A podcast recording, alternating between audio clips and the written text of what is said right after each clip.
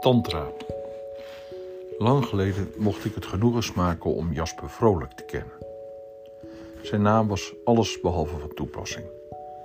Hij was namelijk helemaal niet vrolijk en daar koketteerde hij ook wel een beetje mee, in een Brabantse tongval.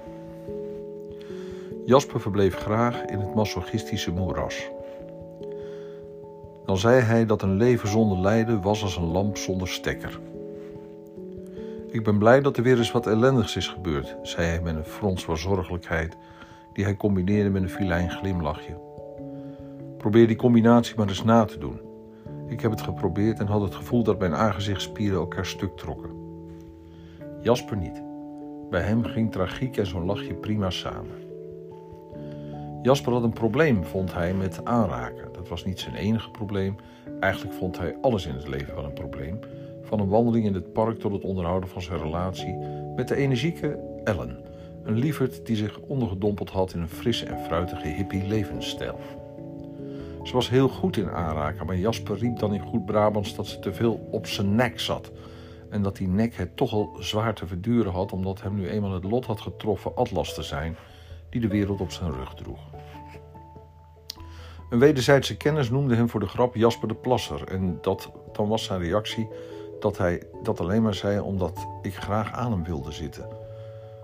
Uh, sorry, omdat hij graag aan hem wilde zitten. Wat niet zo was. Jasper besloot op zijn vijftigste iets te gaan doen aan zijn aanrakingsprobleem. Hij putte zich uit in een toelichting op de situatie in zijn trage Brabants, omdat hij vond dat het eigenlijk niet zijn stijl was om problemen op te lossen. In principe moeten ze natuurlijk in stand blijven, want dat verdiept het leven, maar ik wil hier wel vanaf. Maar waarom wil je hier vanaf? vroeg ik hem toen hij vier trippels had gedronken op de bruiloft van iemand die uit ons beide leven is verdwenen. In zijn dronkenschap werd hij erg primair, te midden van vijf dames die bij ons aangeschoven waren. Ja, god non de bralde hij bijna agressief, omdat ik wil copuleren, wat anders. In de auto terug met drie van die dames herhaalde hij de hele weg dezelfde zin. Ik wil copuleren, ik wil copuleren. Wij probeerden het gesprek gegeneerd een andere kant uit te bewegen, maar door deze zinnen steeds dwars doorheen te herhalen, hield hij ons gevangen in een sfeer die we zelfs met tekst uit het Nieuwe Testament niet konden ombuigen. Het leidde dus allemaal toe dat hij iets aan zijn aanrakingsprobleem ging doen. Waar ga je dat doen, Jasper? Ja, in een tantra-cursus. God non de samen met Ellen. Eigenlijk was hij liever alleen gegaan, maar ondanks haar affiniteit met hippies stond ze hem dat niet toe.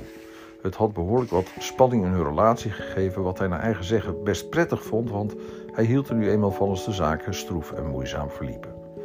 Uiteindelijk lukte het hem toch om na een eerste cursus met Ellen alleen te mogen. Ook dat had de nodige spanning opgeleverd, maar hij had doorgedrukt deze keer. Dat wekte schuldgevoel bij hem op dat hij afkocht met drie drinkavonden met vrienden in te leveren en samen naar de biodansa-sessie te gaan, wat niet gemakkelijk voor hem was, want hij topde met zijn knie. De tantra-cursus bleek een succes, vooral omdat hij er had leren copuleren. Het was niet helemaal gemakkelijk gegaan, maar dat paste erg in het masochisme. Sorry, dat, zinnetje is weer niet goed. De tantra-cursus bleek een succes, vooral omdat hij er had omdat hij er kon copuleren. Het was niet helemaal gemakkelijk gegaan, maar dat paste erg in het masochistische moeras van zijn geest. Er was een groep van 25 mensen, 12 vrouwen en 13 mannen.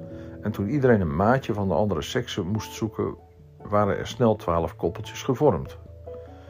En wie bleef er over? Jasper Vrolijk. Maar dat vond hij niet erg, zei hij. Hij deed wel mee met het mooiste koppel, die daar niet op zaten te wachten. Maar ze moesten. Uiteindelijk was er dan een vrouw in hem geïnteresseerd. Niet helemaal zijn smaak met haar 1,55 meter en 91 kilo. Zelf was hij 1,91 meter. Maar een vrouw bleef een vrouw. En ja, hij had, haar met haar, hij, had met haar gecopuleerd. Iedereen mocht dan zeggen dat het daar bij Tantra niet om ging. Maar natuurlijk ging het daarom, vond hij. Het is net als met die parenclubgangers, zei hij. Die zeggen altijd dat ze voor de gezelligheid naar die clubs gaan. Maar ik geloof niet dat ze daar gaan zitten pimpampetten.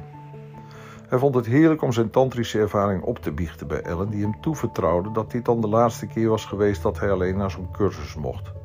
Uit pure woede liet ze hem hun hele huis schilderen, ondanks zijn knie, knieklachten.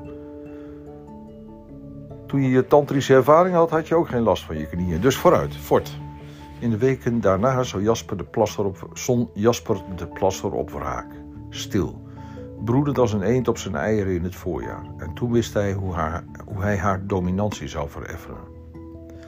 Dagelijks ging zij samen naar het aangrenzende park waar een kinderdierentuin was, om de beesten te voeren.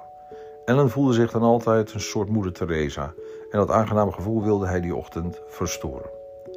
Als zij het speciaal voor de gelegenheid gekochte brood uit de verpakking haalde, gaf zij die verpakking aan hem. Op het moment dat ze dat deed, hadden de dieren haar al gespot en kwamen vol verwachting van een behoorlijke afstand aangehold. Toen ze Ellen en Jasper tot een paar meter waren genaderd, pakte hij de verpakking, blies hem op en liet hem met een, knap, met een klap knallen, alsof het een ballon was. De beesten schrokken zo dat ze onmiddellijk omkeerden en wegrenden. Woedend keek Ellen hem aan. Hij lachte zijn zorgelijke lach en zei: Ach, daar komen ze wel overheen. Lijden verdiept niet alleen mensen. Ze heeft hem daarna vijf dagen genegeerd.